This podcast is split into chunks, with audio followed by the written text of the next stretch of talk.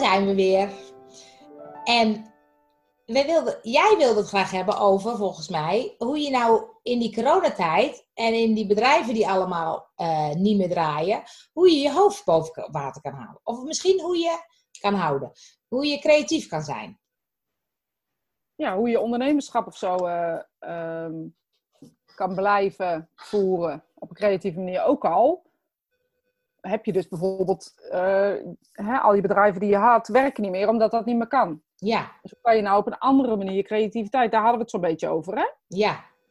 Toen dachten we dat is leuk om te delen, om eens te kijken hoe doen mensen dat dan. Want sommige bedrijven zijn in deze tijd echt omgevallen. En de omzet is er van uh, heel veel naar heel weinig gegaan of naar niks. En dan raak je in paniek. Ja. En, en wat moet je dan doen of zo? Ja, nou goed, ik denk dat, dat de oplossing niet per se ligt in wat te doen, maar eerder uh, te kijken wat de mogelijkheden wel zijn. Dus in de, in de posit nou, positieve klinkt misschien een beetje raar, want ik denk als je alles omvalt dat je niet echt meer positief kan Nee. zijn. Nee. Ehm, maar wel kijken van, weet je, oké, ik heb dus ooit ben ik dit begonnen om een reden, dat werkt dus nu niet meer. Kan ik die reden nog vinden en de, de vibe nog vinden waarop ik dat bedrijf gestart ben? En hoe kan ik dat nu op een andere manier invullen? Volgens mij gaat het daar heel erg over. Want het gaat, als je 15 bedrijven hebt, dan hou je heel veel werknemers in stand. En dat snap ik allemaal wel, maar het gaat voornamelijk over jou. Dus volgens Maar mij is het dan dan belangrijk ik- om dat allemaal te laten gaan. Maar dan denk ik ook dat mensen nu zeggen, ja, ja, er zit, je hebt makkelijk eh, kletsen als eh, mijn hele bedrijf omvalt. En dan moet ik iets leuks, creatiefs gaan bedenken. Nee, nou ja, goed. Ik, je, kan, je kan twee dingen doen. Ehm, eh, of heel erg zo denken. En dat, dat snap ik. Of Ja. gewoon dus iets gaan doen. Weet je, je kan dus mij de schuld geven, maar ik kan er niks aan doen dat het omgevallen is. Ik denk alleen, ja, als ik er dan wel iets van, te- van. Als je ermee. Ja, volgens mij is gewoon aan de bak gaan, toch? En ehm laatst zei iemand tegen mij. ehm, ja, ik heb helemaal niks meer nu. En er was iemand die, eh, dat is iemand die in de, in de entertainment business zit, zeg maar. En theaterprogramma's eh, normaal gesproken doet. Dat Ja. dus niet meer kan. Dus alles Nee. valt weg. Ja, waarop ik eh, een gesprek had met eh, eh, zijn partner. En zij dus zei, ja, maar dan ga ik dan mijn oude beroep wel erop pakken. Want dan kan ik daar eh, wel weer eh, mezelf in specialiseren en geld verdienen. En dat bedoel ik met creativiteit. ja, Want je Ja. kan wel zeggen, ja, en er is- maar niemand kan er wat aan doen. Behalve Nee. dat hele coronavirus. Dus als Nee. we dan iets de schuld geven, is het dat. daar zijn we allemaal boos op. Ja, laten we daar dan boos op zijn. Niet Ja. dat het heel veel zin heeft, maar Nee, precies. ga je dan ergens boos. Ik denk dat het daar, dat ik dat, dat is wat ik bedoel. Weet je, je kan dus denken, ja, vreselijk. Ja, dat is het ook. Maar het gaat gewoon niet. Je kan wel die bedrijven door gaan zetten en de regering nu de schuld geven. Maar wat nou als er weer een lockdown is? Of je moeder wordt, komt te overlijden door dit, of weet ik veel wat. Hoe denk je er dan over? Nou ja, Ja. Hoe denk jij er dan over? Hoe sta jij er dan in? Nou, ik ben het wel met je eens, dat creatieve. Maar ik denk ook dat het eh, eh, soms lastig is voor mensen om dan te bedenken, ja, wat dan of zo, weet je? En zeker als je een bedrijf hebt met personeel en eh, dat je ook zit in paniek van, oh jee, wat moeten we nou doen? En soms bedenken mensen wat, maar dan, ja, dat zet dan ook niet heel veel zo dan de dijk. Dan denk je, ja, daar kan je ook het personeel niet mee onderhouden. Dus hoe doe je dat dan? Nou ja, op een gegeven moment kom je er dus. Zal, er zal een punt zijn waarop je dat personeel moet ontslaan. En dat Ja. is heel vervelend. Maar jij bent niet verantwoordelijk voor dat personeel. Nee, dat voelen mensen dan wel zo, hè? Dat snap ik, maar ja. daar, daar moet je wat mee. Weet je, als je Ja. dan ergens wat mee moet, dan moet je er op een gegeven moment achter komen. Oké, ik was verantwoordelijk voor het feit dat. Hè, er, op een gegeven moment heb ik werk geleverd. Of eh, had, ik, had ik werk, eh, konden mensen bij mij eh, werk gaan doen? Nou ja, ik weet niet hoe ik moet zeggen. Werknemer zijn. Ja, En op, op het moment dat dat kon, kon het. Maar als het niet meer kan, dan is dat heel vervelend voor die werknemers. Super vervelend. Eh, maar dan moet de werkgever in dat geval zeggen: het gaat niet meer. ja, En zijn eigen boontjes gaan doppen. Net zoals die werknemer zijn eigen boontjes zou moeten doppen. ja, Ik geloof veel meer dat we moeten gaan in eigen verantwoordelijkheid hierin. ja. Nou, en ik vind ook, ik, ik bedoel, ik heb makkelijk praten, hè, want bij mij is er niet zo heel veel veranderd en eh, eh, ik, ik kan het allemaal wel redden. Dus dat vind ik dan ook soms een beetje lastig om dat te zeggen. Maar ik denk ook, in Nederland hebben we het wel supergoed. Eh ik ben eh, in januari naar eh, Ro- Roemenië, naar Boekarest geweest. Daar is een instelling dichtgegaan. En die man die daar werkt met zijn vrouw, die krijgt een kind binnenkort. Die hebben gewoon allebei geen baan meer. En denk me niet dat de overheid hun iets geeft om te overleven. Nee. Dan denk ik, wow, weet je, wat bizar. Dus er was een soort inzamelingsactie die we, dat we hun gingen ondersteunen. Omdat dat ze in ieder geval een huis hebben en, en het kind kan geboren worden. Maar dan denk ik, ja, dit is één gezin. Er zijn er weet ik niet hoeveel in eh, die landen. En zo kan je natuurlijk een heleboel eh, eh, werelddelen en landen noemen. Ja. Maar dan denk ik, je zal hier nooit, je hoeft hier nooit in een doos te slapen ergens in de dingen als je dit niet wil.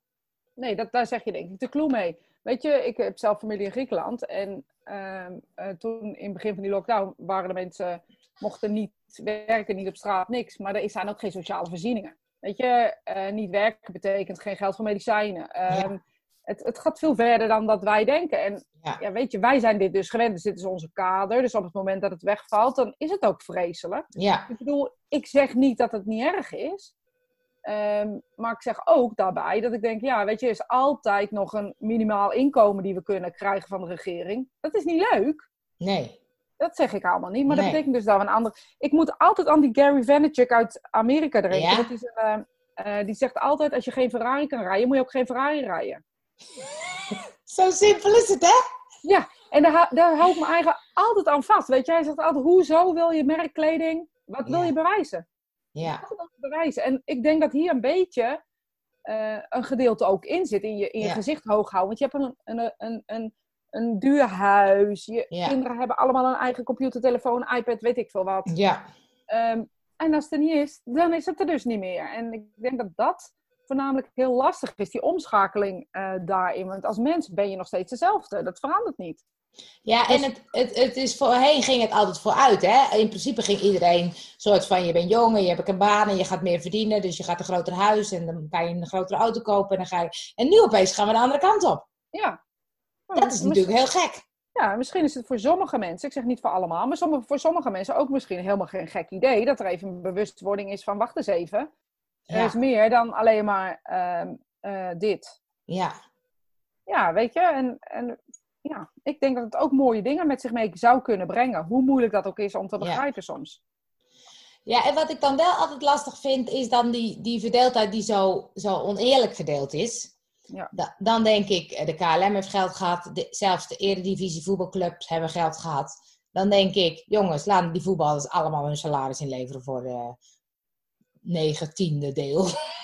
Ja, maar toch? De, en daar denk ik, maar die hoor je ook niet klagen over het algemeen. Nee! maar weet je, de, de, daar zit denk ik echt wel, wel een ding. Die houden zich allemaal angstvallig stil, wat ik begrijp.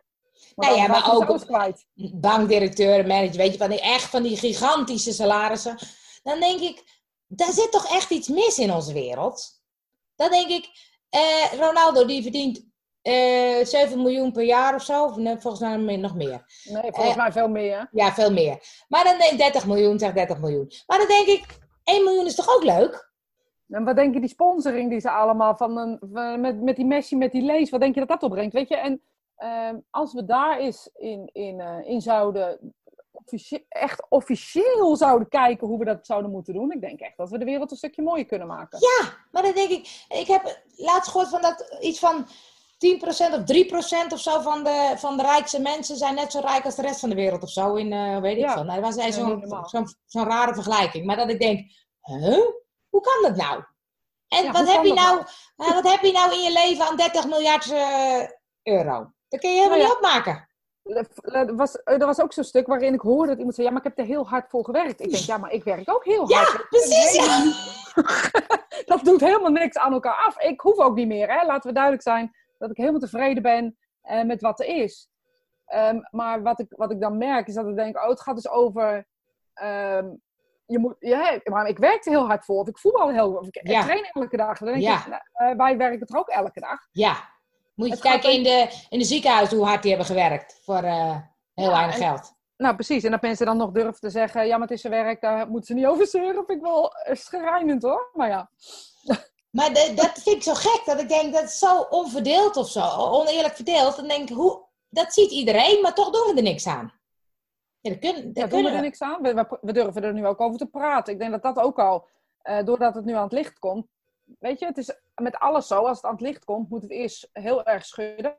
En nog meer schudden en nog meer schudden voordat, voordat het licht kan hebben of voordat het iets kan hebben waardoor het aandacht krijgt. Ja, maar ik mocht bijvoorbeeld niet stemmen of ik het goed vond dat de KLM geld kreeg of de Eredivisie. Nee, ja, dat vind ik dus ook ingewikkeld. Want dan denk ik, de overheid beslist dan dat dat gebeurt. Dan denk ik, de HEMA staat op springen. Dan denk ik, die heeft weet ik niet hoeveel jaar goed gedraaid. En nou opeens hebben ze het allemaal niet zo slim gedaan. En dan moeten ze opeens steun krijgen. Dan denk ik, jullie moeten niet zo dom. eh, Als ik de HEMA had, had ik hartstikke goed verdiend. Maar dan had je, had, je, had je het omgegooid. Dit is die creativiteit die ik bedoel. Dus dan had je zo gezorgd dat je, dat je het... En natuurlijk is het vreselijk, al die mensen die op straat komen. Ja. Daar heb ik het niet over. Nee. Maar ik denk dat we, dat we hier iets in missen. En ehm, nou, misschien, weet je, ik roep al jaren, we worden gevangen van onze eigen regels. En volgens mij zijn dit soort bedrijven gevangenen gaan worden van hun eigen regels, of van hun eigen manieren, of van hun eigen maatstaven. Weet je, op het moment dat iemand een- in welk bedrijf dan ook een formulier voor een formulier moet hebben, dan ben ik echt helemaal volledig de draad kwijt. Ja. En dat er voor elke formulier dan ook een personeelslid aanwezig moet zijn, dat snap ik niet zo goed. Nee, nee. Sommige dingen zijn echt raar geregeld, ja. Ja. Dus nou ja, dat is denk ik in de overheid precies hetzelfde. Ja, dat is ook zo. Maar ja, en ik snap wel dat je dat niet op eens kan omgooien of zo. Eh, maar dan denk ik, in die, in die belachelijke bonussen in de zakenwereld of in de voetbalwereld, weet je, en in al de, daar kan toch wel ergens iets, iets gedaan worden? Ja, dat denk ik ook. Maar we- volgens mij moeten we de politiek in. Nou, ik denk ook. Ik dacht net van, deze podcast wordt wel een beetje politiekerig. Daar zijn we niet zo van. Ik roep Nee. gewoon maar wat. Nee, maar ik weet niet of, of het politiek is. Ik denk dat dit, dit zou het gedachten ook gedachten zijn die mensen hebben. Ja, Weet je? En eh, door nooit iets uit te spreken en altijd angst te hebben om te roepen dat je ergens voor of tegen bent. Ik ben het liefst ergens voor eigenlijk. ja, precies, ja. Ehm, maar dus dan, dan bereiken we ook niks. En ja, weet je, we moeten elkaar ook wel aan het denken zetten, maar ook wel scherp houden of zo. En denken, nu weet ik dat ik een.